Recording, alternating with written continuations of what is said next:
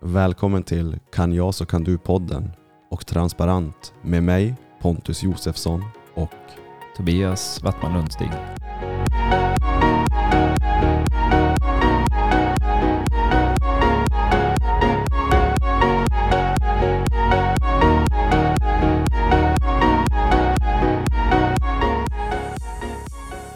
det känns som att det var igår vi spelade in.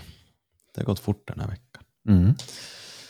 Men nu är vi här igen Nu är vi här igen. och du fick den briljanta idén att komma till mig idag på morgonen med att vi ska börja med att bada isvak. Och då kan man ju inte säga nej. Isvak är ju inte kallbad blir det ju eftersom att det inte är vak ännu. Mm. Men det är fruktansvärt kallt i vattnet. Det var skönt. Det var skönt ja. Även om, man, även om jag badar varje vecka så är det som att jag vet inte om man någonsin vänjer sig vid, eh, vid just den där chocken.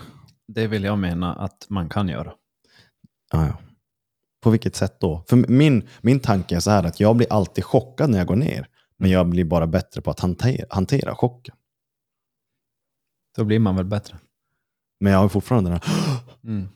den kommer man inte undan.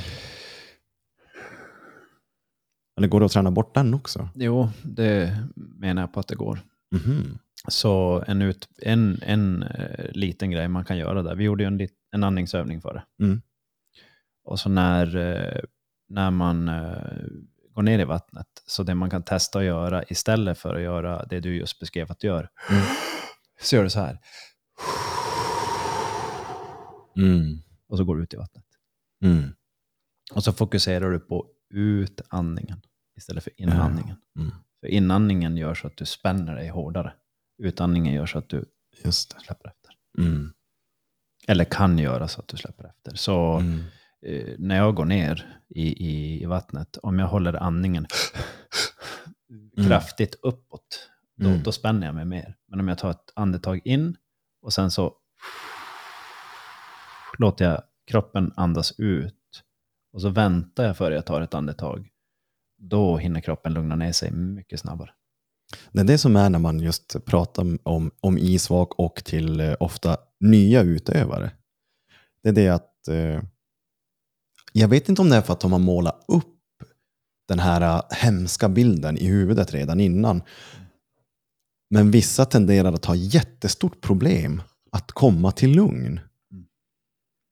Fast det, å andra sidan är det ju inte så svårt om man bara ger efter. Mm. Men då är det det som blir svårt, att ge efter. Precis, det, det är lätt att gå in i, i, man chockar sig själv lite grann och så stimulerar man omedvetande så stimulerar man sig själv lite mer stress i stressriktning. Men- Men sen efteråt så är det ju ändå en, en, en, man får väldigt mycket energi och så vidare. Men vill man få den där riktigt lugna effekten efteråt, Mm. så ta ner frekvensen på andetagen. Ta ner, eh, försök helt enkelt bara eh, känna att eh, andningen kommer ner. Spänningarna i kroppen, att man släpper dem lite grann. Mm. Det är en utmaning att göra det när Mm. man är i en stressfull situation. Och så sen att man känner att hjärtat kan åtminstone, istället för att gå, gå upp i frekvens, så kan det Mm. Tu- gå ner i frekvens. Mm. Och än en gång, är det första gången eller man känner att man inte är så van med det här, så att, att göra det här allt samtidigt är ju kanske orimligt. Men eh, det går att påverka. Mm. Jag tror också att man, jag tror inte många är eh, vana att utsättas för den typ av chock heller. Och då blir, och då blir att stressa ännu mer enda utvägen. För man vet inte hur man ska hantera den. Nej, men det är ju så kroppen fungerar. Ja. Att, att eh, blir vi stressad så höjer vi andningsfrekvensen. Mm. Lite som en flykt ibland. Ja, det, det, det är det kopplat till. Mm. Men att utsätta sig själv för korta stressfulla situationer är ju inte ohälsosamt. Nej. Däremot så, som vi pratade om förra gången, att kallbad sägs vara hälsosamt. Eller kall, expone, att expone, exponera sin kropp för kyla. Mm. med vatten som hjälp. Eh, Dock skulle man gå ut på en is, bada kallt, säg en isvak, och så är det kallt i luften, säg 10-15, jag vet inte, minusgrader. Vi leker med tanken bara där kring. Mm. Och sen är det hög vind. Då går inte jag ut. Då är, då är inte jag med. Mm. För det, det eh, kommer inte min kropp kunna hantera speciellt bra. Så jag anser att det är ohälsosamt. Däremot samma, samma två första. Du har isvaken, isen, det är vinter, det är 15 minusgrader. Men det är ingen vind. Mm. Då är det helt annorlunda. Mm. För vinden eh, mot kroppen när du, är, när, när, det, när du är blöt. Det blir farligt. Jag skulle säga att det kan vara farligt. Mm. Eh, och, och ohälsosamt. Mm. Så eh, där, där drar jag en gräns. Mm.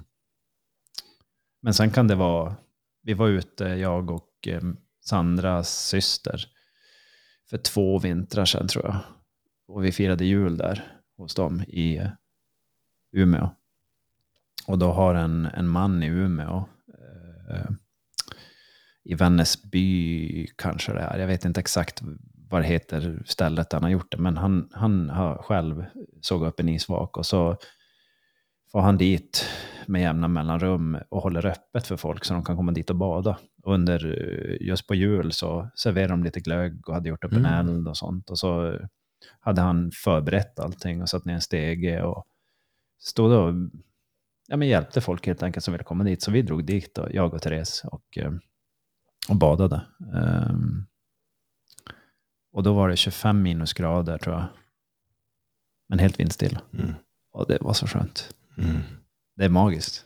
Det är som vi pratade om innan, in- alltså när vi gick ut också. När jag, men just bara den här grejen att när det är 20 till 30 minus, men helt vindstilla, Mm. att då är det ju lättast faktiskt att bada isvak. Känslan blir att det är lättast då. Om vinden inte är där. Om vinden inte är där, ja För precis. då, under, när det är så kallt så med största sannolikhet så finns det väldigt låg luftfuktighet. Mm. Men till exempel idag så är det hög luftfuktighet Mm. och så är det hög vind här. Så då kommer det bli lite tuffare. Mm. Mm. Ja, det blir det direkt. Mm. Så det var en bra idé i alla fall. Så startade vi dagen. Och Jag, Tillsammans. tänkt, jag tänkte att vi kanske skulle kunna göra det varje gång så länge vi har öppet vatten. Eh, Bara, här, bara vid Ja. stranden. Alltså det finns ju precis där, nu är det lite lurigt, men det är ju just bredvid den här eh, vägtunneln kommer det alltid vara öppet vatten. Just det. Men det ska man vara väldigt försiktig med. Varför det? Ja, säg att man ska åka dit, gå dit själv Mm. och så är det djupt. Och så hoppar du i och så tar du dig inte upp. Nej, nej. Mm. Så det ska man vara jätteförsiktig med. Mm. Säg alltid till om du, eh, Mm. Om du är på ett ställe du inte vet. Det Ja, finns ja, några ja. osäkerhetsparametrar, var alltid några stycken. Mm. Så, men där finns det åtminstone öppet vatten och då kanske man skulle kunna hacka upp lite grann mot stranden. Ja. Mm. Men jag tror det, det där var någon grej som vi tog efter. Nu har jag bad, det här blir ju tredje året jag badar kallt. Då. Mm. Men då var vi ganska noga där i början och säga att vi gör det inte själv. Om, men till exempel här ute bara på, på min bakgård. Här kan ju jag gå ut själv, för det är ganska långgrunt och det är inte is än och det är nära in. Mm.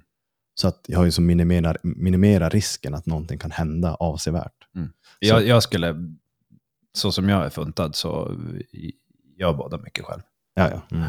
Men däremot att kasta mig ner i en sån där vägtunnel ja, ja. och så eh, kan jag inte nå Botten botten och så sen så om jag ska ta mig upp på en iskant, det anser jag är osmart.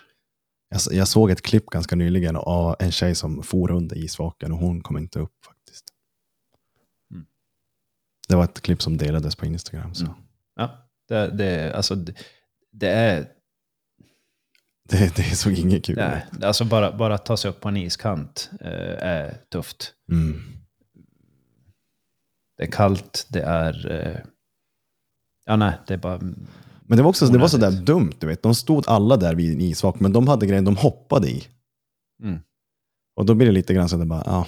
Ja, är som det, finns, det, finns, det finns alltid de som kommer göra just det där lite annorlunda som kanske...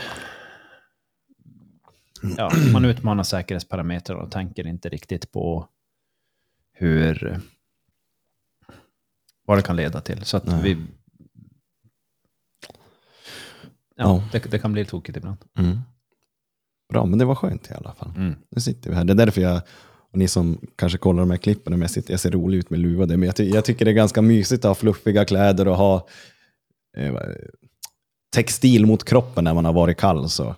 För vi duschar ingen varm, alltså vi sätter oss inte i varmvatten efter det, utan vi låter kroppen han, hantera kylan. Så därför ser jag ut som jag gör, ni får överseende med det.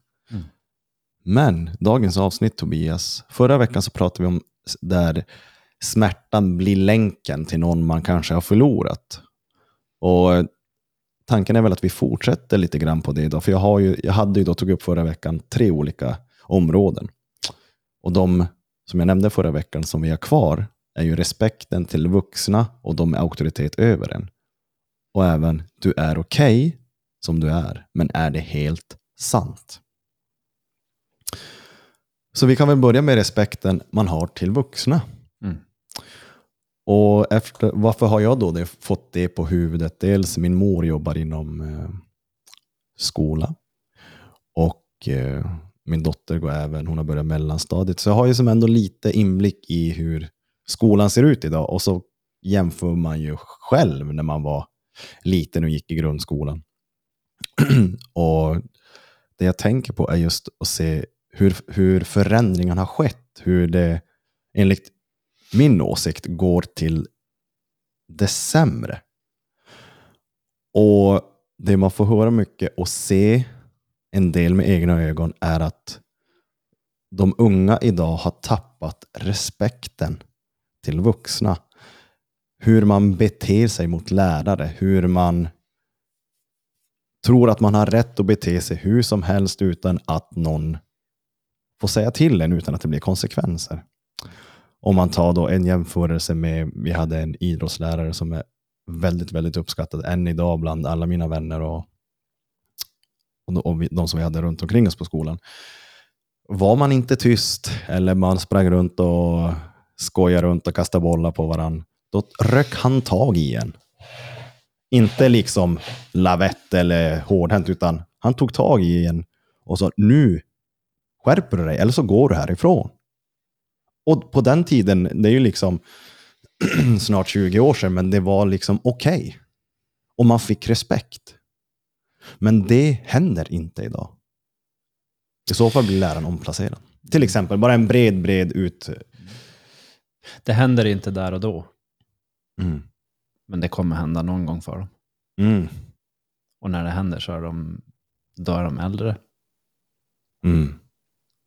Världen utanför skolan kan vara ganska mycket mer oförlåtande. Jo. Så att eh, det är inte som att man blir fri från det. De kommer få ta igen det. Mm. Med stor sannolikhet. Och då blir det hårdare. Mm. För kommer någon in i en, säg på en arbetsplats eller någonting, någonstans. Så eh, att det beteendet, eh, att folk får bara göra precis som de vill och ställa krav, det, det är inte rimligt. Så idag så, eh, hela världen går igenom förändring hela tiden Mm. det är inte bara skolan som går igenom förändring. Det är hela samhällen och reformeras eller eh, omformas. Eh, och vi har ju en, eh, vi har en utmaning med eh, ju- just den här, den här biten att hur, eh, hur, hur, vad ska en auktoritet få göra och varför? Mm. och vad är hälsosamt? Det är en komplicerad fråga verkar det som. För Mm. lärare verkar ha fått mindre... De verkar ha fått på något sätt... Nu, nu, nu pratar vi... Jag är ingen expert på, på läraryrket på något sätt. Mm. Eh, Däremot så känner jag en hel del lärare.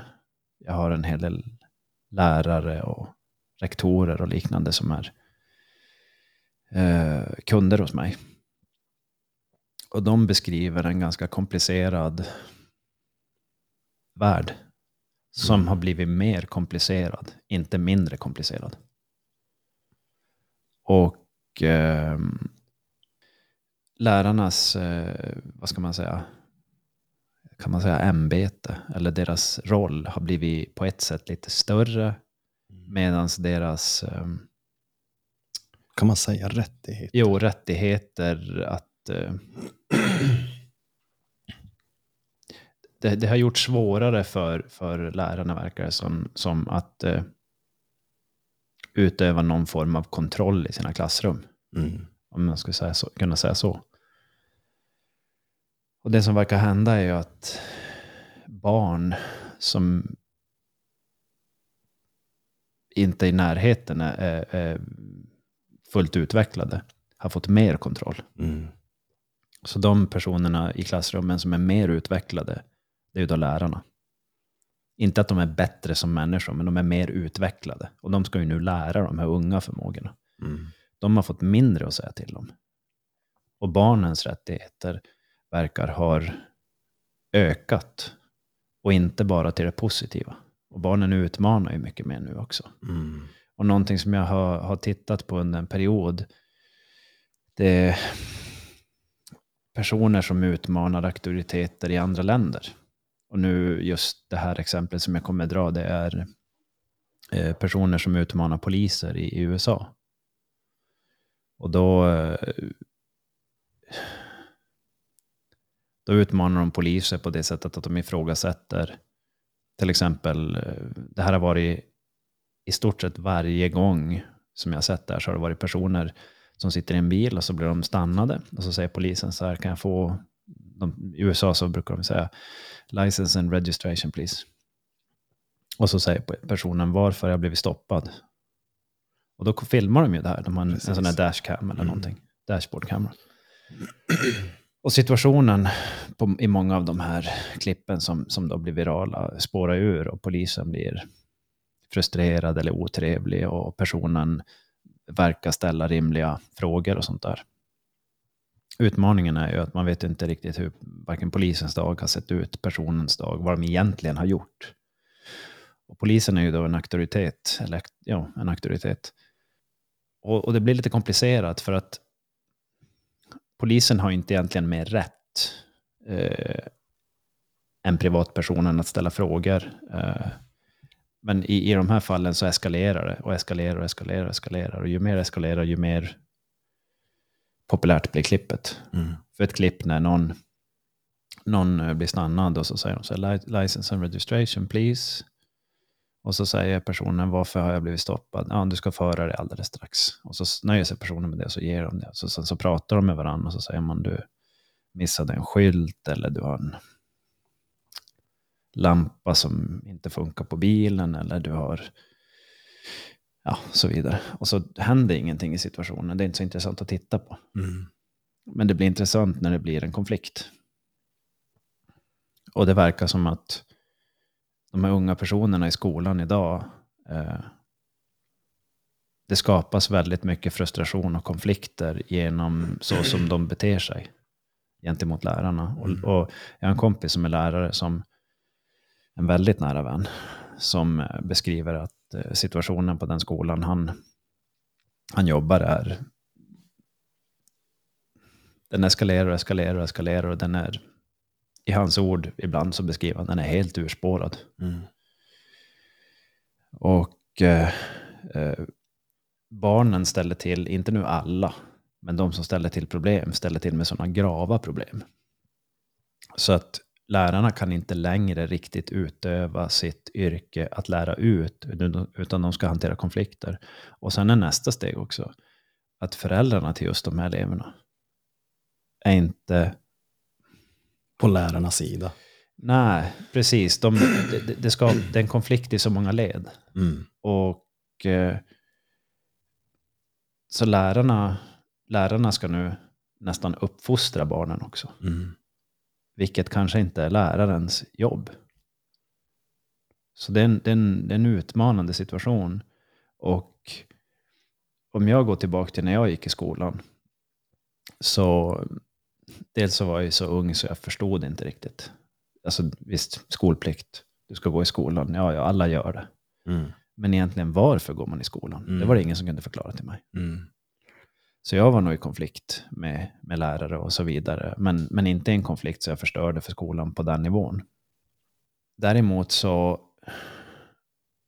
om, om, om man inte är mogen som person och så får jag bli auktoriteten, vad händer då? Mm. För det verkar ju som att barnen får en auktoritär position av så som vårt samhälle ser ut idag. Och då är frågan, ska barnet i en familj vara auktoriteten? Lek med tanken bara att vi har en hund hemma och så är det hunden som bestämmer. Det är inget trevligt. Det är inte hälsosamt för någon. Och jag Det- tror inte många hade hållit med där. Alltså det, det finns inte på kartan för någon som har en hund att låta ens hunden Hunden bestämmer. Nej, precis. Men det kan bli så. Mm. Om husse och matte är, eh, inte tar den auktoritära, det som kallas för då alfapositionen, Mm. så att det blir respekt. Precis, ja. Då kommer hunden göra det i många fall. För det är så, det är så de här hierarkierna fungerar. Och då har man gjort det kanske, man menade väl men det blev inte väl. Nej, det, man, kan, man kan navigera med kärlek och tänka att nej men, jag, Kan det vara det som har hänt med, med barn idag? Det svårt att säga, kan vara. Vi spekulerar ju här bara. Liksom. För att... man, Men hur som helst, vart, vart, vart samtalet började, det var, Mm. kan du läsa upp eh, frågeställningen igen? Respekt till vuxna och med dem med auktoritet över det. så eh, tappar vi respekten för auktoriteter så Mm. tar vi inte längre, det är så här jag ser på det i varje fall. Om, eh, om jag tappar respekten för, vi leker med tanken så här, jag har respekt för min partner Mm. kontra jag har inte respekt för min partner. Vad händer i de två olika scenarierna? Mm. Jag skulle säga att det kan hända nästan, eh, kanske inte vad som helst, men det kan hända mycket bra och mindre bra å andra sidan. På vilket sätt? Det är det som är, för det är så brett. Vi Ja. att, om- Men, det, men det, är ganska, det är egentligen ganska enkelt om man, om man direkt säger så här. Ta en förälder. mm, Jag har väldigt lite respekt för den här föräldern. mm, Vad händer när man pratar med varandra? nej, man, Lyssnar du? nej, dels det, Nej. man lyssnar inte. Har man, du respekt? Lyssnar du då? Ja, det finns större sannolikhet att jag gör det, ja. Bara större sannolikhet.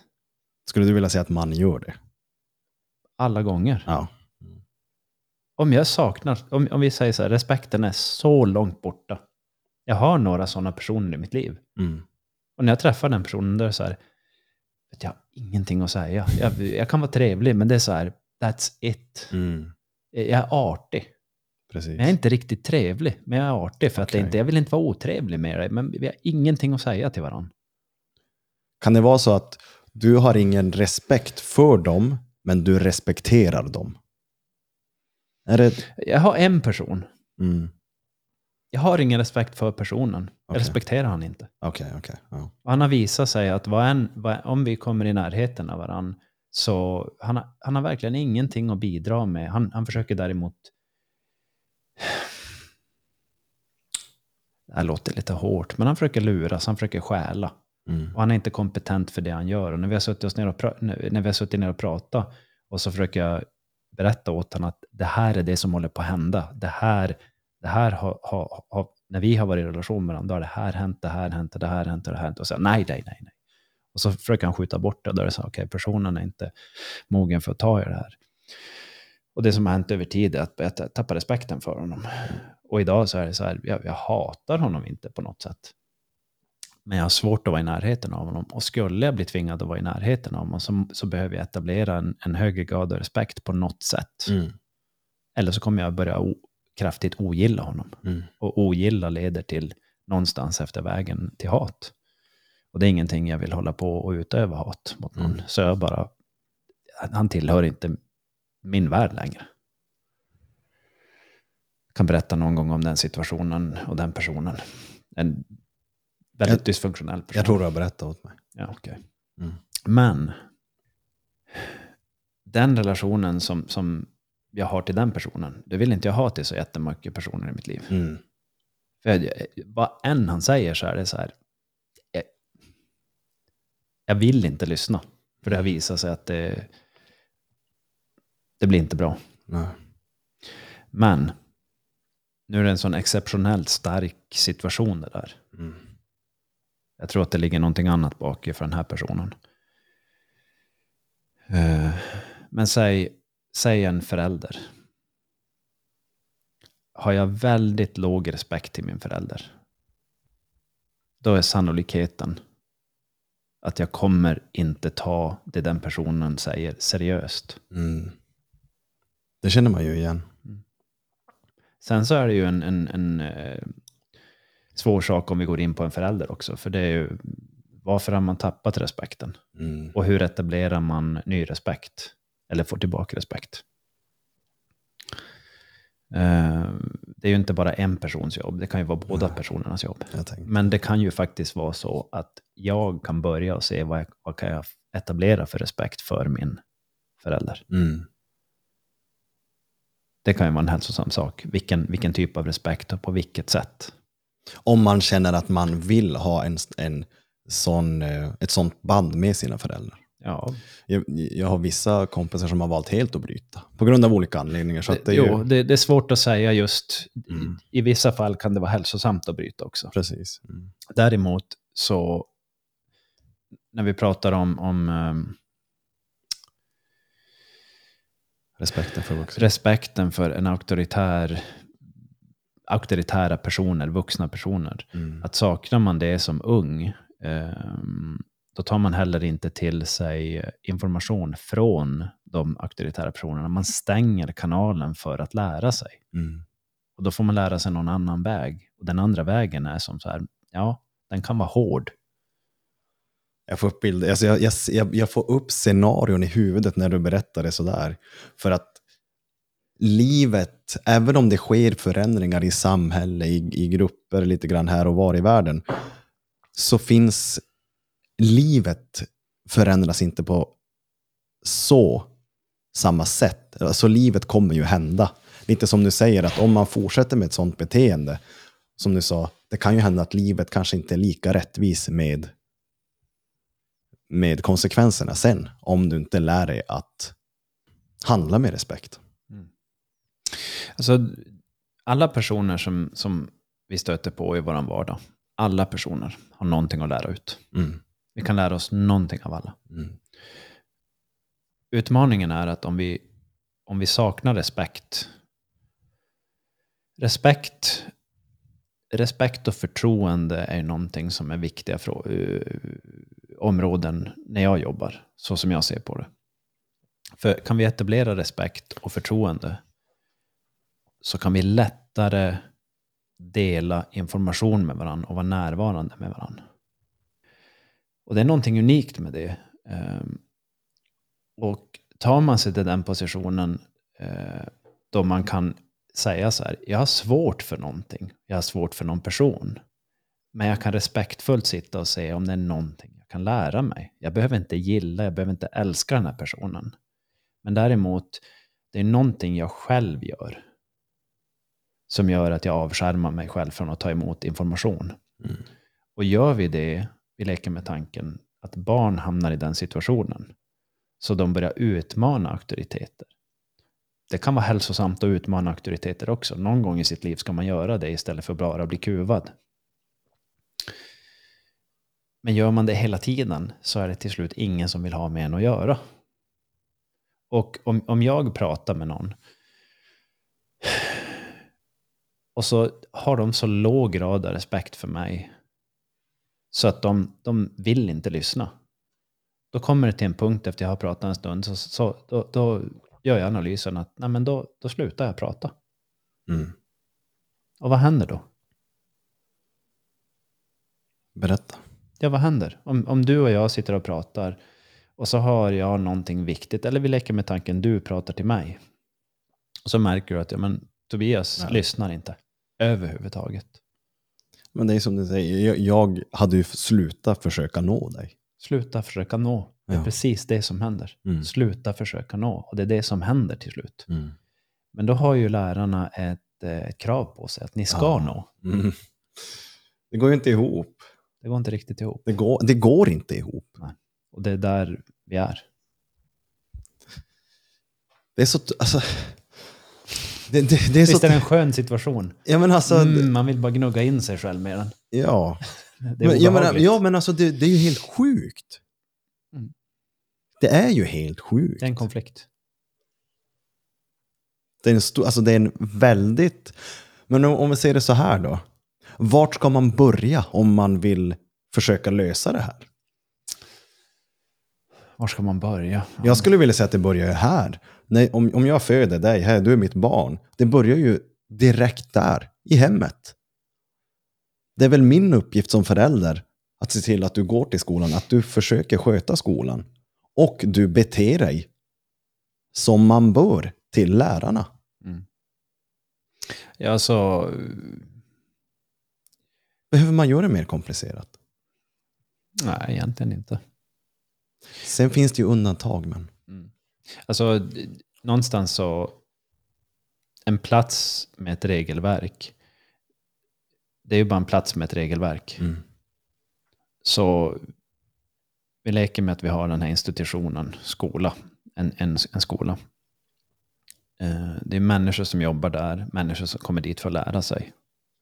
När, när, det, när vi har en skolplikt så är det ju som att folk vet ju inte riktigt varför de är där, tror jag. Mm. Till exempel, men till exempel, vi leker med tanken en eh, högskola. Då har ju folk valt att komma dit. Mm. Eh, ett universitet, då har man valt och så betalar man för att åka dit. Lånar, jag, jag vill åt det här hållet. Det är någonting annorlunda som händer där, där då. Så de, den här situationen med eh, grundskolan, där, där har ju ingen direkt valt att jag vill åka dit. Eller ingen, väldigt få. Det finns ju kanske de föräldrarna som flyttar specifikt till ett område för att jag vill att min, mitt barn ska gå Mm. i den skolan och så är de så pass beräknande. Men, sko, men, men barnet ska gå, det finns en, ett, ett, en, en skolplikt, ett krav, det är lag.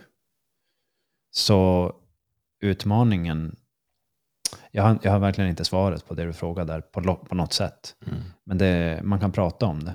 Det man, det kan, man, man kan se vad som... Det jag gör i mitt jobb det är ju bara att analysera vart, eh, vart det byggs upp konflikter och hur, i, vilk, i vilka former man kan lösa konflikter och vad som behövs. Jag jobbar inte ute efter rätt eller fel. Jag jobbar ute efter vad som är funktionellt och dysfunktionellt. Eh, och det jag ser och det jag hör det är att det finns väldigt hög grad av dysfunktionella beteenden. Och jag tycker att lärare i största allmänhet, det är eh, superhjältar. Alltså det, det jag, vet, jag, jag själv hade inte riktigt mäktat med det de gör, tror jag. Det, det är jag själv. Jag är, inte, jag är inte lagd åt det hållet. Och sen får jag höra samma sak som folk säger åt mig. Ja. Att du kan sitta och lyssna på folks problem och rota i de här sakerna. Det är aldrig klarat av. Ja, det är samma sak där. Mm. Men jag tycker att lärare är superhjältar Mm. på det sättet. De är helt fantastiska. Och sen finns det ju säkert eh, duktigare och mindre duktiga superhjältar. Men det är en konst eh, just att få till, för det är så, det är så stor sak. Mm. Däremot, det som jag ser, än en gång, det är att det finns lärarnas, eh, eller auktoritetens förmåga att utöva kontroll tas ifrån dem. Och eh, vi behöver inte gå tillbaka till aga, alltså att, att aga. Nej, det behöver inte bli Stasi-metoder. Nej, precis. Men däremot så, så regelverken behöver nog vara lite, lite fyrkantiga i varje fall. De kan, de, det är svårt att göra det superindividuell baserat. Det, kan, det, det, finns ju de skolorna som gör det. Mm. Och då kan det ju vara så att det finns flera olika typer av skolor var man kan gå. Men, men även där så finns det ju folk som, som ser så olika på dem att den skolan eh, vi leker med, eh, jag, bara tar några namn, Waldorf skola. Har du hört talas om det någon gång? Nej. Ja, det finns den metoden. Det, det, är ett helt annat system man jobbar ut efter. Okay, ja. och, eh, och så har vi den vanliga traditionella svenska skolan. Mm. Det här är två olika metodiker som behandlar människor på olika sätt. Det jag, det jag tror, och det här tror jag verkligen på, det är att Waldorfskolan passar vissa personer bättre, men inte mm. alla. Mm. Den svenska traditionella skolan passar vissa personer bättre, men inte alla. Och när man försöker få in alla i ett system, då kommer vissa falla ut. Mm.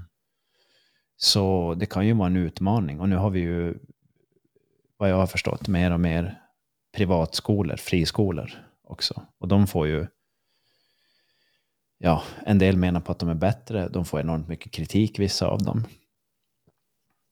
Uh, så att det är komplicerat. Mm. En komplex fråga. Det är väl därför också jag, jag tror att jag ville prata om det och höra din inblick i det just den här respekten till, till vuxna och auktoritära personer. Men vi, vi leker med tanken bara så här. Mm. Om vi skulle kunna då, vi knäpper med fingrarna och så går vi till att medan vi är på, eh, vi säger den här utbildningsplatsen, vilket skolan är ju en utbildningsplats. Mm. Eh, så när vi är på utbildningsplatsen så ser vi till att vi har så hög grad av respekt som vi kan för de som utför läraryrket. Mm. Sen behöver jag inte tycka om dem. Men jag skapar ingen, ingen större konflikt av det, utan jag går dit med hög respekt och så kan jag säga den personen förstår jag mig på mindre, den för personen förstår jag mig på mer. Den personen känner jag eh, mer trygghet till, den känner jag mindre trygghet till. Och så gör vi ingen större grej av det. Och så försöker man lära sig så mycket man kan. Och så får man gå till sin... Det finns ju kuratorer och det finns eh, studievägledare och det finns alla möjliga eh, personer på, på, en, eh, på en skola som man kan gå och prata med om man känner att man förstår inte vad man håller på med. Om vi skulle göra det så enkelt kontra att vi tar bort respekten för lärarna. Så nu finns det väldigt låg respekt. Och så går man till den här utbildningsmiljön. Säg du ska gå en utbildning. Och så kommer du till den platsen. Och så känner du, nu ska jag gå in med så låg respekt som möjligt för de här personerna. Kontra att du kan gå dit med så hög respekt som möjligt mm. för de här personerna. Vilken av de tre åren säger du ska gå där?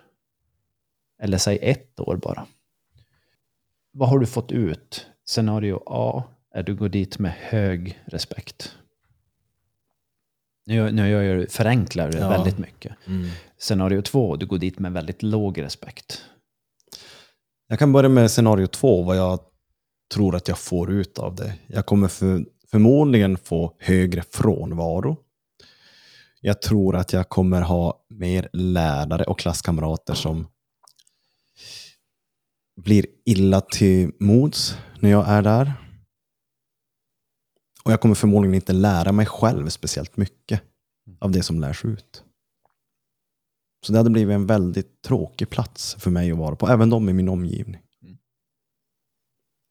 Mm. Kontra scenario A där jag går in med så hög respekt som möjligt så är det egentligen bara motsatsen. Jag hade förmodligen lärt mig mer. Jag hade respekterat tiderna vi har i våra klassrum jag skapar inte till med några onödiga scener, utan jag sitter där respektfullt och försöker ta in det som lärs ut. Mm. Och nu ska jag göra så bra ifrån mig som möjligt, för det har jag lovat mig själv, till exempel. Så att det hade blivit en mycket mer trevlig plats i scenario A. Vad tror du? Jag instämmer. Mm. Jag instämmer. Så um, Ja, men ja, det är just bara det här problemet. Men det är som du säger, man blir nästan, man vrider nästan på sig i, i den här konflikten som, som finns. Och det är... Men det här, det, det här finns ju överallt. Det är ju, ja. Min upplevelse är att jag har, jag har ställt frågorna, öppna, försökt ställa öppna frågor till folk som jag stöter på. Till exempel, um, vad har du för förtroende till kyrkan? Och så här, nej. Mm. Okej. Okay. Eh, politiker? Mm, nej. Mm, Okej. Okay. Och, så, och så vidare. Och då är det som så här, det, det, vi tappar ju förtroendet till hela vårt samhälle nästan. Mm. Vem, vem lyssnar den personen på i så fall? Dig? Nej, det har jag ingen aning om. uh, det är en utmanande situation nu när, um, när det är så pass mycket uh, tumult och konflikt. Nu är det ju en, st en stor del uh, det har hänt mycket på senaste. Då vi, då det är saker och ting som gör folk oroliga. Och, än en gång, vi har pratat om det tidigare, eller bara benämnt det med världen är som lite grann i ja, men en liten kaossituation. Det har varit mm. covid. Det är eh, krig nära, nära oss, Ryssland, Ukraina. Just nu bara på senaste Israel. är det Israel, Palestina, Hamas-konflikt. Mm. Um, bankräntor som, som uh, inflation och uh, elpriser och, och um, mm. så att mycket uppe som vi kan se anledning till att oroa oss eller störa oss på. Men frågan är vad kan vi göra? Mm. Vi kan typ gå ut och ta ett isbad. Mm. Och fokusera ibland på det vi har här och nu. Mm. Och sen försöka se den personen jag stöter på, nästa person som jag stöter på här idag, vem nu det är. Kan jag möta den personen närvarande? Kan jag vara, kan jag vara närvarande och respektera den personen? När jag säger respektera så betyder det inte att allt de säger är helt sant. Det betyder bara att kan jag respektera, ja men den personen verkar tycka så här. Det är upp till dig, det kan du. Det kan jag göra. Mm. Kan jag göra en världen en mer fredlig plats, en mer respektfull plats idag? Och jag du. menar på att det kan jag. Mm. Jag kan göra min del mm. istället för att vänta att alla andra ska göra sin del. Mm. Det kan du. Mm. Och jag tror också på det. Ja, men den, den kan vi 100% påverka. Mm. Den andra, den kan vi 100% vilja påverka. Mm. Det, det, är helt sant. Där är det helt sant. 100% sant. Mm. Men frågan är, är jag villig att påverka min lilla del? Mm. Så jag hade svårt med auktoriteten när jag var men, men betyder det att du på något sätt eh, misskötte dig i till exempel att det blev skolka eller att du började kasta pennor på lärare? Eller? Ja, så långt gick jag inte, men jag var nog lite, lite uppkäftig ska jag nog tro. Jag kommer mm. ihåg något tillfälle när en lärare fick riktigt noga mig. Jag kommer inte ihåg vad jag hade gjort. Jag hade nog bara varit lite stökig. Mm. Inte kasta pennor och sånt där, utan bara varit lite verbalt stökig. Mm. Alltså inte visat respekt. Och då visade han mig inte respekt. Han lyfte upp mig i nacken och kastade ut mig ur klassrummet. Och jag fick en chock. Men Vad? det blev ingen större grej av det. Ah, Okej, okay. jag tänkte just fråga det. Ja. Det blev inget efterspel. Det tror jag inte, inte vad jag kommer ihåg. Och jag försökte inte göra ett efterspel av det, utan jag skämdes. Mm. Jag fick stå där utanför. Han tappar ju och jag förstår honom. Mm. Jag, jag, hade jag fått prata med honom idag, jag kommer inte ihåg vem det var. Uh, men det var en lärare som... uh, jag tror att det var en lärare som var vikarie. Medelålders man vad jag kommer ihåg. Eh, och det var på Björksgataskolan. Jag har ingen aning, aning vilken ålder jag var i, men det var ju någonstans mellan trean till... Det måste ha varit trean. Trean, fyran, femman eller sexan. Jo, trean i grundskolan till sexan i grundskolan. Någonstans där var det. Jag var uppkäftig. Mer uppkäftig än vad som var bara lite, skulle jag gissa. Mm. Och jag flög ut ur klassrummet. Jag lyfte från, från bänken och från, från golvet. Mm. Det var ju så det kunde vara förut. Ja, det kunde till och med vara Men det hände, de inte, det hände ju inte eh, det hände ju inte hela tiden. Nej, exakt. Det är inte som att någon... eh, Jag säger inte att det är rätt att göra. Jag säger att där och då så hände det. Och jag kommer ihåg det som en positiv grej i mitt liv. För det var så här, men fan det där var inte bra gjort. Alltså där, där fick jag Mm. skämmas. Mm. Och någonstans så i det som hände där och då. Så jag störde ju förmodligen mina klasskamrater och hans undervisningsplan. Jag kanske förstörde hela hans dag där. Mm. Eller bidro, jag bidrog åtminstone till det. Sen kan man också tänka, hur mådde han efter att han hade behövt göra så mot dig? Till exempel. Nej, det, Till exempel ja. det vet jag faktiskt inte. Jag skulle inte tro, jag jag gissar inte att han, det var någonting han var, alltså jag tror inte det är någonting man sätter ut för att göra det där. Nej, det tror inte jag heller. Så... Än en gång, min, min grad av respekt till honom var låg. Mm.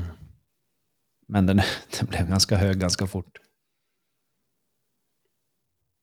Det är det som är också när vi pratar om det, om man pratar om den gamla skolan. Jag tycker också att det är bra att vissa delar från den gamla skolan byts ut. Men vissa grejer kan vara bra att ha kvar. Men vad gör man? Vi leker med tanken så här då. Eh, Vi leker med tanken att du får, man får aldrig riktigt sätta någon, vi, vi, vi använder ordet sätta någon på plats. Mm. Det, det tas bort, du får inte göra det. Nej. Men personen, personen som inte blir satt på plats fortsätter att vara en person med hög grad eller låg grad av respekt. Skapar hög grad av dysfunktionellt, har hög grad av dysfunktionellt beteende. Vad händer när den personen kommer ut från skolan? Vad händer när de kommer ut i livet? Flyttar hemifrån. Ja, kanske, vad, vad händer då?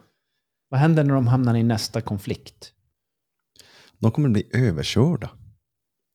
Alltså finns det en möjlighet av... Mm. För det, det, Och vad händer om de är så starka så att de bara... De, de, det, det, blir, det, blir, det blir en, en aktiv kamp hela tiden.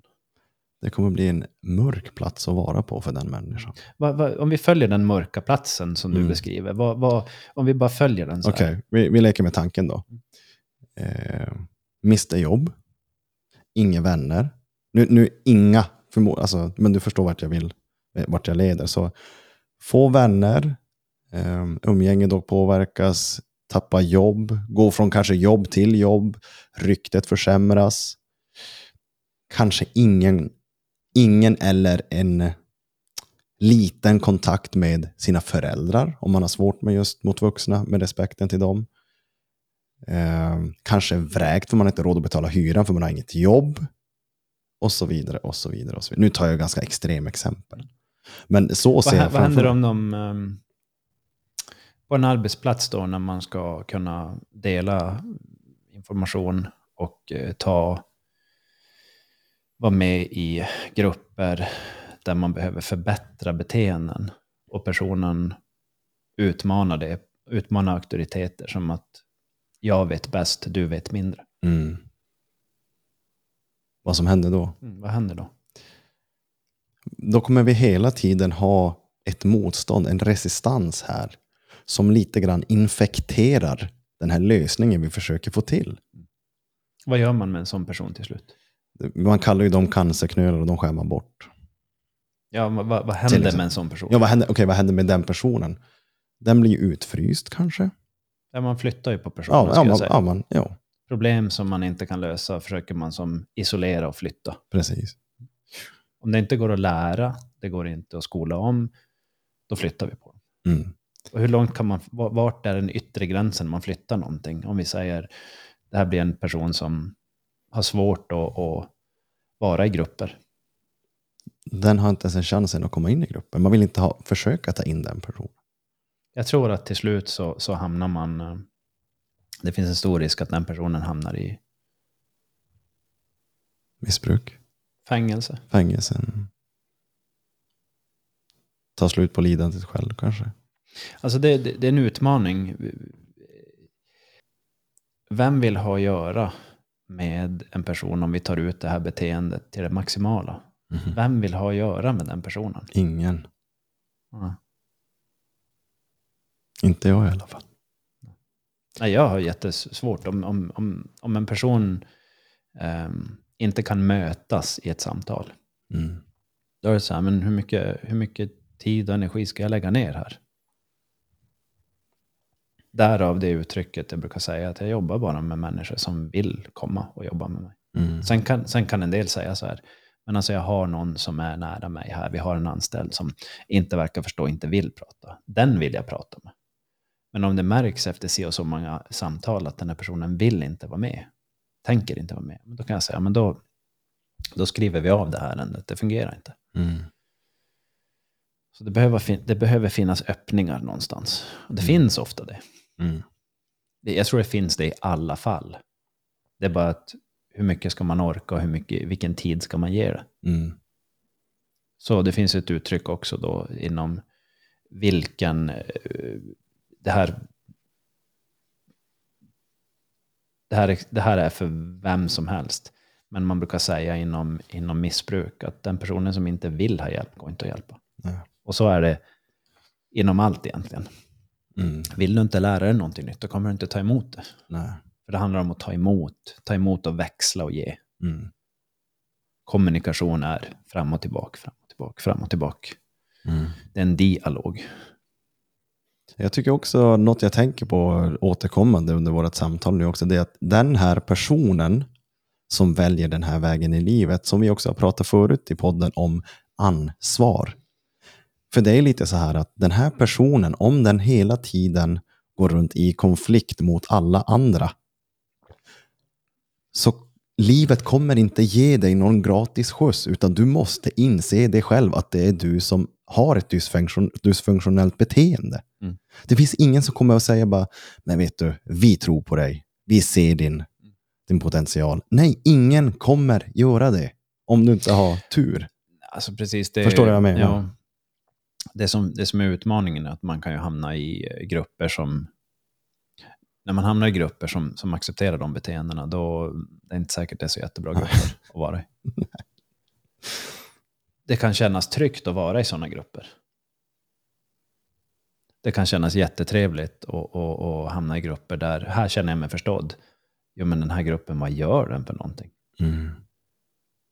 Till exempel nu så är det ju en, en våg av, eh, vi kan gå in på det lite grann bara, en, en våg av eh, kriminella nätverk som, som rekryterar unga personer. Mm.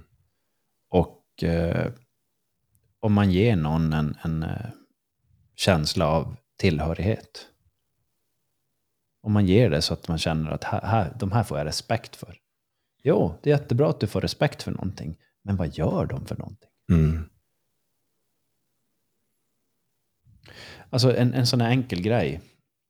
Hälsa, som jag jobbar med det ordet mycket.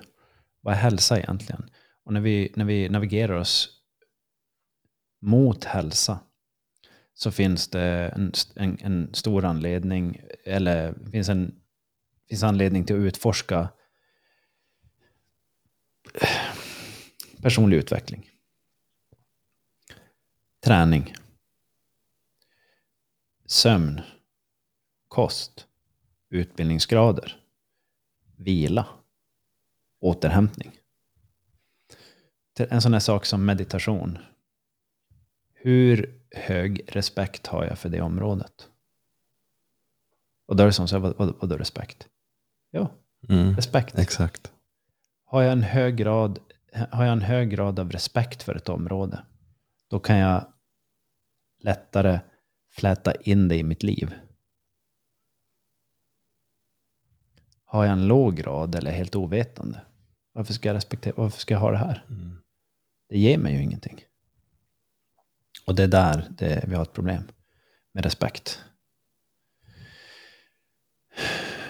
Så att vi lever i en fascinerande värld. På många sätt. På många sätt. På väldigt många sätt. Um, så, så någonting som, som jag premierar väldigt mycket, det är eh, vilken grad av respekt kan vi ha? Mm. Och när vi, när vi sitter ner och pratar med människor, då är det centralt i, samar, i, i, i, i eh, samtalen. Ni behöver inte hålla med mig överhuvudtaget om någonting. Men om vi kan mötas respektfullt så kan ni ställa mig frågor, jag kan ställa er frågor, vi kan komma någonstans tillsammans. Och det är en intressant plats när man kommer någonstans tillsammans.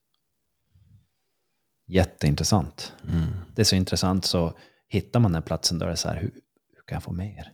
Mm. Det här var skitbra för mig. Det blir som ett, ett, eh, en drog nästan.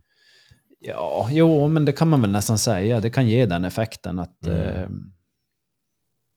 nästan ett positivt narkotiskt tillstånd. Mm. Eller berusande tillstånd för en stund. Tack för, eh, för utläggen, för tankarna, för dina perspektiv. Men Tobias, du är okej okay, okay som du är, men är det helt sant? Mm. Om jag är okej okay som jag är, vad leder det till? Mm. Och det är en öppen fråga. Mm. Så jag skulle säga att du är helt okej som du är. Absolut. Mm. Men när du, där du befinner dig här och nu, eh, har du behov av att göra någonting? Just mm. nu, nej. Men till imorgon. Mm. Måste inte göra någonting. Mm. Jag kan ta ett exempel som, eh, som jag var med om nu. Eh, bara nu nyligt. Jag håller på mycket med eh, en typ av motorsport och det är ju enduro och motocross. Och det har jag hållit på med länge. Och den har jag hållit på med för att den är utmanande på många sätt. Det är en extremt fysisk träningsform. Och jag tyckte det har varit jättekul, jättegivande på så många plan. Och nu när jag åkte iväg eh, till Indonesien och surfade så kände jag att eh, alltså jag, håller på, jag håller på att närma mig 50. Det är bara ett nummer. Men det händer någonting vid varje av de här årtiondena i livet. Eller det händer någonting vid punkter i livet. Eh, då man får omvärdera saker och ting. Och varför man får omvärdera dem, det är en bra fråga. Men det kommer de, de eh, vägskälen kan man säga. Och jag, eh, jag har känt att någonting är det som jag behöver, det är någonting som håller på att förändras för mig. Så eh, när jag var nu iväg och, och fick bara ta det lugnt, man har med sig sina några kalsonger, man har några t-shirts, jag har ett, ett par byxor, jag har några shorts, jag har en våtdräkt, jag har mina surfbrädor, jag har min tandborste, eh, lite ett first aid kit ifall jag gillar mig jag har med mig i ja, men telefonen, kan lyssna på musik. Lever supersimpelt i ryggsäcken. Hyr min bungalow, är ute i djungeln en hel månad. Kommer bort från allt, får reflektera på vem är jag egentligen, vad håller jag egentligen på med? På ett sånt där sätt som ja, men de flesta i vår vardag får inte den tiden till att göra det, för livet rusar på. Och på sin semester då ska man måla om huset eller göra den där andra grejen som man inte hinner med. Men jag, jag pratar om att gå på en pilgrimsvandring. För det var en pilgrimsvandring för mig. Och då när jag kom hem så gick jag in i garaget och så tittade jag på motorcyklarna som står där. Och så kände jag bara att jag kanske aldrig ska starta dem där igen. Kanske, säger jag. Jag känner att det, energin och personen finns inte där. Och så när jag sa det till mig själv, som så här, mm. och så mediterade jag det på en stund, lät det som gå. Och så tänkte jag, hur känns det om jag är ärlig med mig själv? Är det egentligen det här jag vill hålla på med just nu? Är det det som ger mig det jag behöver? Då kom jag fram till att jag tror att det tar mer energi än det ger för tillfället. för tillfället. Så då bestämde jag mig att nu ska de få stå över vintern till nästa år. Och känns det liknande då, då kommer jag avyttra dem. Och se om jag kanske har gjort för mycket av någonting. Det kanske inte är min grej. Det, var en, det, var, det tillhörde mitt liv där. Men här och nu behöver jag inte det här. Men jag ska inte säga någonting definitivt just nu. Och jag ville inte göra något drastiskt, att bara puff, fort iväg med utan nu får de... Jag ska ta och meditera på det. det. Och det här ger mig mer energi. Och tillåta mm. det här mm. hända. Så jag blev lugnare av det. Tryggare. Så vad jag egentligen behöver. Den, den frågan är ju någonting man tar reda på hela tiden. Mm. Men man kan ju faktiskt, eh, upplever jag i varje fall, rusa på så mycket så mm. man har inte tid att lyssna. Mm. Det är inte ovanligt. Mm. Så just hur, hur ledde frågan där igen? Eller hur löd frågan? Du är okej okay som du är, men är det helt sant? Så, så där man är och det man gör och den man är nu, den kommer förändras vid något tillfälle. Mm. Vare sig man vill eller inte, så kommer den förändras. Och en vacker dag så kommer vi vara jord allihop. Mm. Om du förstår Absolut. påståendet. Men hur hård kan man vara som vän då? Om vi leker med att du och jag ska vara helt ärliga med varandra. Mm. Tycker du att jag bör ha tillåtelse över att vara 100% transparent med att säga, om vi tar ett jätteenkelt exempel, du är överviktig. Jag ser att du lite grann dras med eh, den här vikten och jag ser att det får inte dig att må bra. Mm. Tycker du att jag då som din vän ska få vara 100% transparent och säga Tobias, jag ser att du har gått upp i vikt. Jag mm. ser att det kan behövas en förändring. Eh, det här är en bra fråga. Det är... Eh, Eller ska jag då säga bara, men gubben, sötnos, mm. ät en till bulle. Ja, det, nej, jag, förstår, jag tror jag förstår vad du menar. Det är, det, alltså, kroppsvikt och kroppsform, det finns ju inget rätt och inget fel i den. Mm. Men vi kan göra det till rätt eller fel. Mm. Så beroende på hur vi ser på det så eh, ska alla se ut som... Ronaldo. Ja. Hercules. Ja, säg. Men det, det, är ju, det där är ju bara en bild på någon person. Och det är inte säkert att de mår bra heller. Mm. Så eh, vi leker med tanken så här. Jag har en god vän som röker två paket cigaretter om dagen. Och jag märker att personen dricker eh, rusdrycker, alkohol, ganska frekvent. Jag är en god vän till den här personen. Och jag ser att min, eller det jag upplever är att personen verkar inte må bra. Och jag, det jag upplever är också att personens fysiska förmågor och hälsotillstånd, eh, jag ser personen få sämre och sämre och sämre tillstånd. Det jag, vad är rätt och fel i den här situationen? Mm. Så eh, det man absolut, ja, man har rätt att göra precis vad man vill. Men man får också ta konsekvensen av sitt, sin, sitt handlande mm. till den relationen. Känner man däremot att eh, man vill hjälpa personen eller ser att personen verkar inte må bra och förmår inte att se det själv eller göra en förändring, så kan man absolut ta upp det och prata med personen. Men då, är det, då går det att ta upp det på flera olika sätt. Mm, precis. Det, nu, nu ska jag, nu får det vara... Man får svära i min podd. Jo, eh, Eller i våran podd. Jag ska, jag ska ta och um, ta ut svängarna och uh, det här är ju då ett, det här är inte jag riktigt som säger det, jag menar inte det jag säger. Hör din tjocka idiot. Nu måste du ju förstå att det här är, så här kan man inte bete sig. Det är ett, man kan säga, det är ett scenario som man kan säga det på.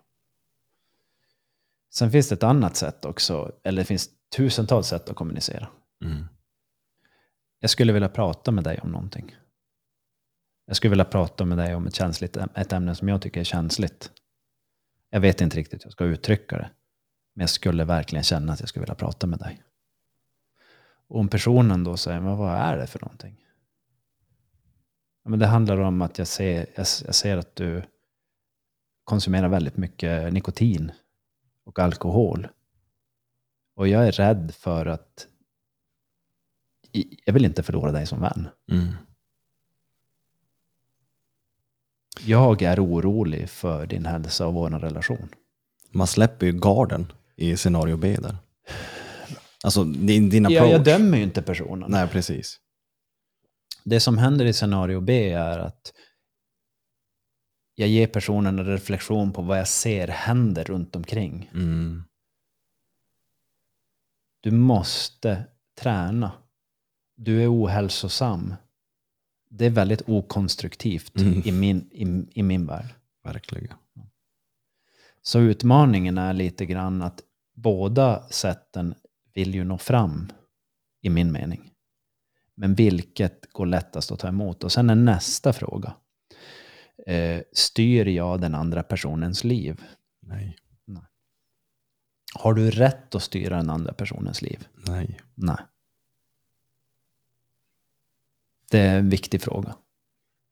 Som, som är bra att, att ställa sig själv. Jag har en god vän, en av mina närmsta vänner, som är överviktig, röker och dricker. Röker ganska mycket och dricker ganska mycket. Jag har tagit den dialogen med mig själv att så länge jag ser jag inte ser att han rent destruktivt gör det, att det inte bara ökar och ökar och ökar och ökar. Så är det inte mitt jobb att fixa honom. Mm.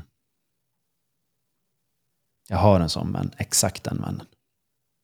Och han är en helt fantastisk vän. Mm.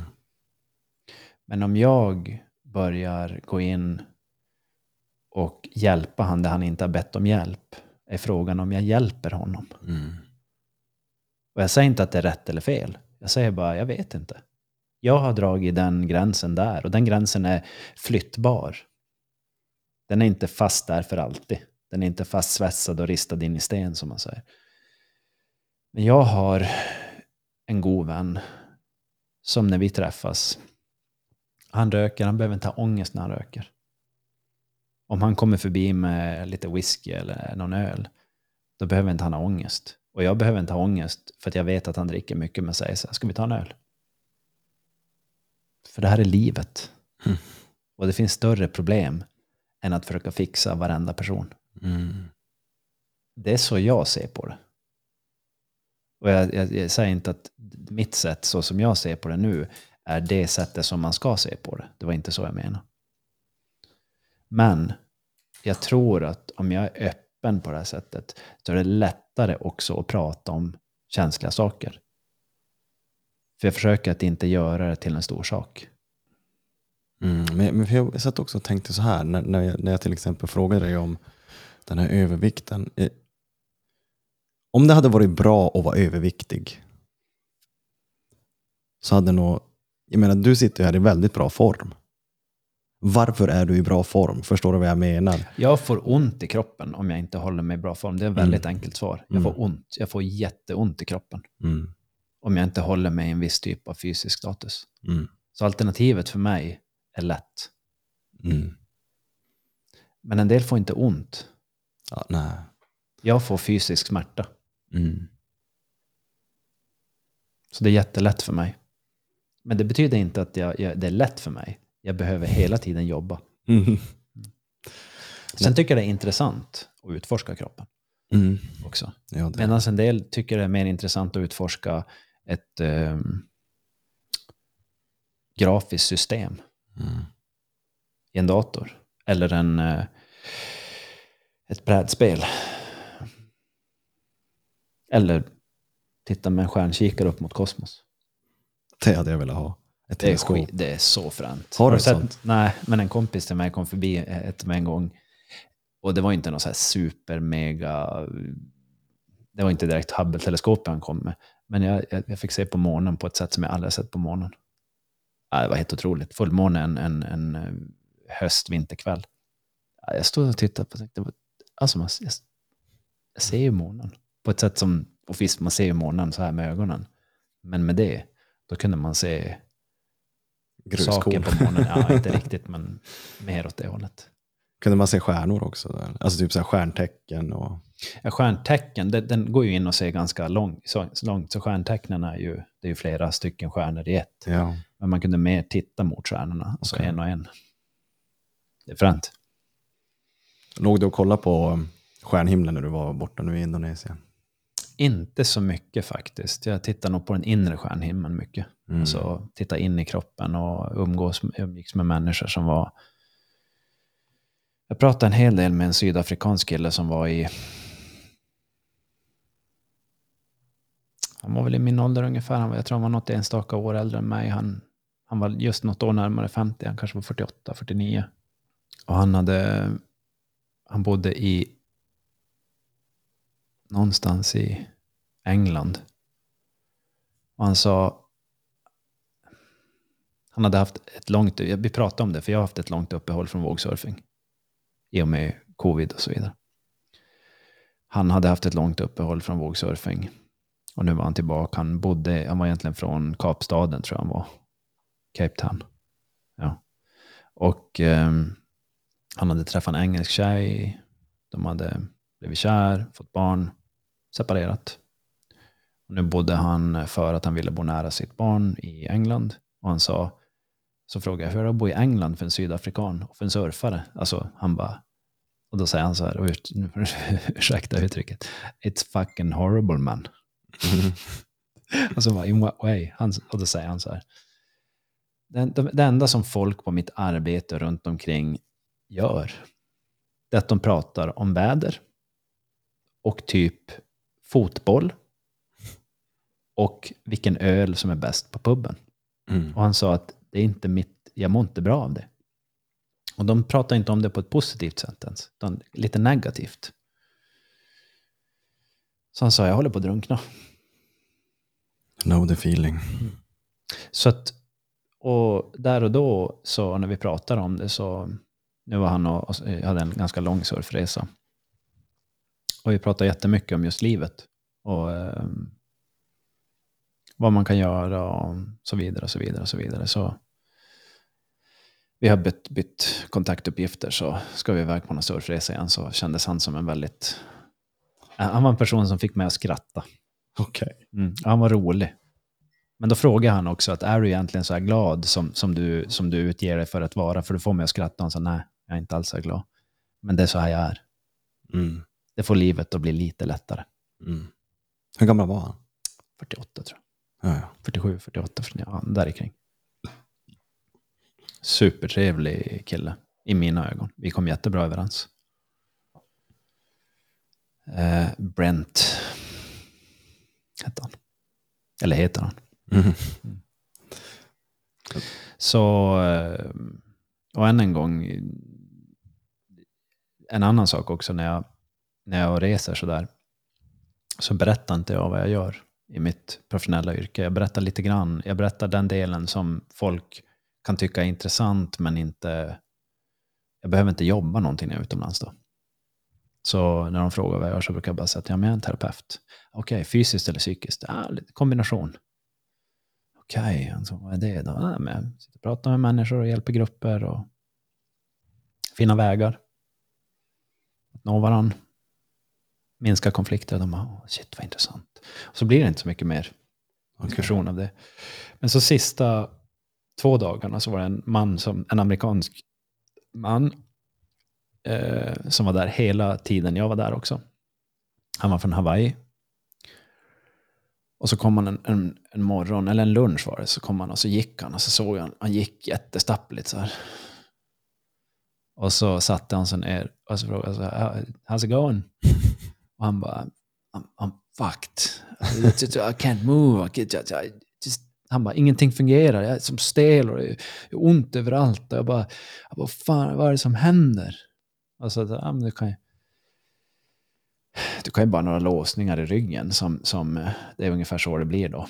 Uh, han bara, jag skulle som behöva träffa min kiropraktor hemma och sånt där. Och så bara typ bla bla bla, de är så uppbokade och de är si och de är så bla bla bla och det är som så långt bort. Och så, och så sa jag som åt honom att jag kan, jag kan mobilisera ryggen på det lite enkelt om du vill. Han bara, vad betyder det då? Jag bara, nej men jag kan som ge en liten justering. Um, en väldigt så här, generell justering. Han bara, is it that bear kind of thing?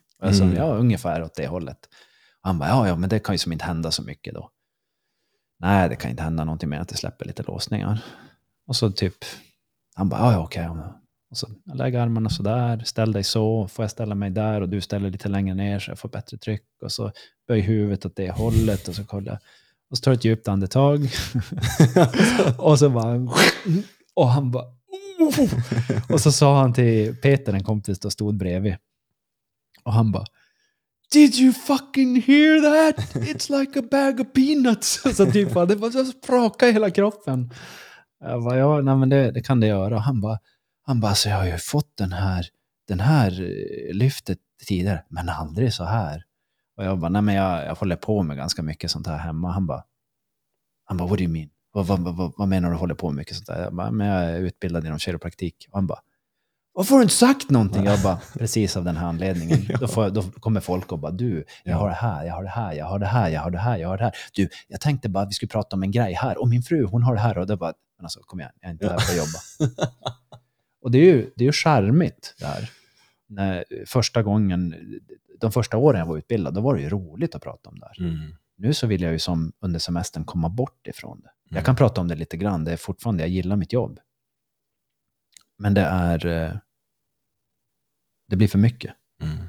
Och börjar man då ta på sig att fixa allas problem som man stöter på. Du är ju tidig i din karriär nu. Så jag förstår ju din hunger och din syn på det. Mm. Men det, det, där kommer man bort ifrån. Ja, jag är inte ens 40. Nej, det handlar inte ens om att du är 40. Det handlar om att du är tidig i din karriär. Ja, i, i mm. Att nu bli vad du vill bli. Mm. Hjälpa människor och så vidare. Så, eh, men det är någonting man behöver utforska. Jag har, jag har, ehm, jag har kommit lite för nära vissa vänner genom att jag ser deras problem och så säger jag men det finns saker man kan göra här. Och så mm. jag varit lite för straightforward. Och det har blivit obehagligt i, i situationerna. Och då är det så här, vad, hur ska vi hantera det här nu? Så jag, jag, jag försöker inte lösa pro folks problem längre nu som inte direkt frågar om det. Mm. Däremot så kan jag säga att om någon inte vet om det så kan jag säga att du, det finns grejer man kan göra om du är intresserad. Så kan jag lite om det här området. Och sen får personen själv sträcka ut en hand. Mm. För det är inte respektfullt att inkräkta på någon. Kan, man kan inkräkta med respekt om det behövs. Men gör man det hela tiden så kanske hälften av gångerna ibland tas inte som att det är respektfullt. Mm. Och då blir det ett övertramp som inte var okej. Okay. Och de får man göra ibland i livet för att lära sig. Det är därför jag försöker lyssna så mycket som möjligt på dig så att jag slipper göra de här övertrampen. Ja. Men för att lära sig dem så behöver så man göra dem göra delvis. Vissa av ja, dem i alla fall. Absolut. absolut. Jag skulle ju aldrig rekommendera dig att gå in i ett drogmissbruk till exempel för att du ska lära dig något. Nej, den vill jag helst inte göra. Eh, men det är intressant, för jag har alltid haft en respekt för substanser. Mm. Jag har haft, jag har haft en, en väldigt hög grad av respekt för substanser. Eh, jag är inte rädd för dem så, men däremot så, det, det är någonting märkligt det där. Eh, jag har förmodligen inte ett missbruks, eh, alltså lätt att falla dit på ett missbruk. Beroendementalitet. Nej, jag har inte en beroende, precis. Jag har inte den mentala bilden, men um, däremot så vissa typer av substanser vet jag bara att jag, jag vill inte hålla på att experimentera med dem direkt. Mm. Uh, och ska jag använda dem, till exempel smärtstillande i vissa, som är starka i vissa fall, då är jag medveten om att det här ska jag per periodisera. När jag, så att jag inte bara, nej men det här var ju skönt, så nu mm. fortsätter jag bara. Ja, exakt. Det här löste mitt problem. Mm. Och så vill jag känna hela tiden. Mm, precis. Så att... Um, Jag tänker att det man, så det jag kan ta med mig av det du sa, det du har sagt, det här med att du är okej okay som du är, men är det helt sant? Det skulle jag vilja säga är att har du någon i din närhet som du känner att du lider av att se far illa, du ser liksom med egna ögon att den här personen far illa av sitt eget beteende, mm. då kan man på ett konstruktivt sätt fråga öppet, just, så som du förklarade tidigare. Alltså, det jag skulle säga, det jag skulle ge som råd, mm. det är att eh, det finns, eh, nu kommer jag rekommendera en bok. Mm. Det är en av de absolut bästa böckerna jag någonsin har läst. Och den heter eh, Non-Violent Communication, A Language for Life. Mm. Skriven av Marshall B. Rosenberg. Han, han lever inte längre. För mig, om man förstår den boken och förstår det sättet, då har man ett sånt fantastiskt sätt att kommunicera på ett eh, känslomässigt sätt då man når varandra. Och då man lättare inte överladdar eller förväntar sig för mycket. Den, i, I min värld så är det bland det bästa som någonsin har skrivits. Och på ett fantastiskt sätt. Den låter som att den kan vara saklig också. Den, den är väldigt praktisk, alltså den lär ut så att vi... Den, den, ja. den är inte bara andlig så att säga. Nej, men den är mer eh, mot... Eh, jag ska inte säga för mycket egentligen. Det, det, den har hjälpt mig i livet fantastiskt mycket. Mm. Utan den eh, kunskapen som eh, Marshall eh, förmedlar där, så upplever jag att jag kan inte göra mitt jobb så bra som jag gör idag. Mm. Så pass bra är den, mm. för mig. Uh, och en, en god vän till mig som, som jag pratar med med en frekvens, uh, han frågar mig så här, när hörde du om den? Hur länge har du vetat om den där? Och så, sa ja, jag hörde nog om den för första gången för kring, jag vet inte om det var 15 eller 20 år sedan. Och då direkt på det sätt jag hörde om den så eh, gick jag direkt in och eh, köpte den. Och när jag, när jag läste den, eller jag, jag, lyssnade på den för det var en ljudbok. När jag lyssnade på den så var det så här, eh, när jag började, då, då, sa den här personen som rekommenderade den, då sa han så här, om du, om du vill utvecklas i att nå fram till människor, att förstå dig på att nå fram människor, till, eh, hur, man, hur man når fram till människor på ett hälsosamt sätt. Läs den och eh, implementera den i din vardag. Och så ser du vad som händer. Och då gjorde jag det. Och det var helt fantastiskt. Det var som ett verktyg som eh, hade gömt sig för mig. Så en stor del av att uh, få till saker är att kunna förklara hur man själv ser på det. Mm. Istället för att förklara hur den andra ska kunna förändra någonting. Mm. Så man når fram lättare till personer. Men med det sagt så når man inte alltid fram till alla. För en del vill inte att man ska nå fram till dem. Mm. Och det är någonting man får experimentera med själv, hur man förstår det. Därav det jag säger, jag vill bara jobba med människor som vill ta hjälp. Mm. Men om någon säger så här, jag vet inte om jag kan det, då säger jag så här, men då är, jag öppen, då är du öppen för att testa. Mm. Så det ska jag verkligen rekommendera. Och den boken, den finns lite vart som helst. Den finns på svenska, den finns på engelska och ljudboken. Om man ska lyssna på ljudboken så vill jag skicka med en liten varning. Den svenska ljudboken är torr som dasspapper mm -hmm. att lyssna på. Medan den eller, engelska ljudboken med Marshall själv när han berättar den är väldigt fyllig och han kan fylla den med känslor som den svenska boken saknar. Mm. Så lyssnar man på det svenska, så jag har den som CD-skiva i bilen och den brukar jag lyssna på. Då kan jag vara så här rak, jag kan, jag kan lyssna på meddelandena. Men på sätt där de, när jag slår på den någon gång, den hamnar på när när någon hamnar i bilen, någon bara, vad är det här? Ja. För det är så, så det, det, är så fyrkantigt och trå, det är tråkigt. Mm. Men han fyller den med personliga känslor eh, som den svenska saknar. Då. Mm. Så jag skulle säga uh, ursprungsspråket, vart den kommer ifrån, då får man med mycket mer om man klarar av att lyssna på det språket. Mm. Den ska jag nog faktiskt ta och beställa. Mm. Nu när du sa För jag har kollat på den förut. Jag vet inte varför. Jag, den har väl bara fallit mellan, mellan stolarna som man säger. I alla tusen rekommendationer man får så kan man inte ta alla. Mm. Men det är någonting, det, det, det är någonting som har gett mig jättemycket. Mm. Och jag eh, upplever att jag förstår vad han säger. Och jag kan, jag kan eh, relatera till det. Mm. Och jag har sett hur mycket det hjälper situationen när man kan vara där. Mm. Och komma dit. Så än en gång, vi pratade om, läs upp den en gång till, frågan. Den du stora är, frågan. Du är okej okay som du är, men är det helt sant? Mm, precis. Och sen att hur man, hur man når fram till någon. Precis. Om man känner att man behöver nå fram till någon. Och det där är ju någonting man själv får bestämma om jag vill nå fram till någon. På vilket, på, varför vill jag nå fram till den här personen? Mm. Vad är syftet egentligen? Jo, men den personen är ohälsosam. Ja, utifrån ditt sätt att se på det. Precis. Mm. Så om de bara skulle göra allt vad du gjorde, skulle de vara hälsosamma? Men det är orimligt. Mm. Det är ju mm. att leva ditt liv. Mm, precis. Och den här vännen som jag har, som har övervikt, röker och dricker en hel del. Vi umgås med jämna mellanrum och vi har det så trevligt. Och det är hälsosamt att ha det trevligt.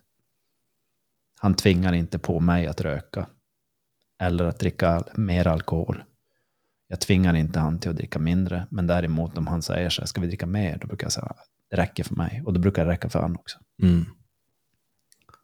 Så vi hetsar inte varandra i någon riktning. Så på det sättet har vi en hälsosam, eh, respektfull relation. Mm. Och det är en av mina absolut bästa vänner. Det går, det går att ha fina relationer även ur kanske din synvinkel, att det inte är perfekta levernet? Nej, men alltså måste man till exempel Måste alla ha samma utbildningsgrad också? Nej, måste man ha samma ekonomi? Nej. Måste man ha samma bil? Måste man ha samma färg på huset? Måste man ha samma kläder? Det är som, det är, Nej. Är det rimligt? Nej. Känner man att man får ut någonting positivt av varandra? Precis. Sen om någon gör någonting, vi leker med tanken då, röker så mycket eller dricker så mycket som man ser att deras hälsa bara, mm. det blir en kaskad neråt. Då kan man ju lyfta upp det och känner man att man inte vet hur man lyfter upp det, ta hjälp av någon. Mm. Prata med någon och få hjälp i hur man kan lyfta det. Mm. Mer än så har inte jag idag egentligen. Jag känner mig väldigt eh, mätt höll jag på att säga. Men eh, nöjd. Mm. Jag är nöjd också. Vad bra. Har du någon punchline du vill avsluta det här med? Nej. Du, du är bra nog som du är. Tack detsamma. Mm. Till er där ute då. På återseende. På återseende. Hej då. Hej då.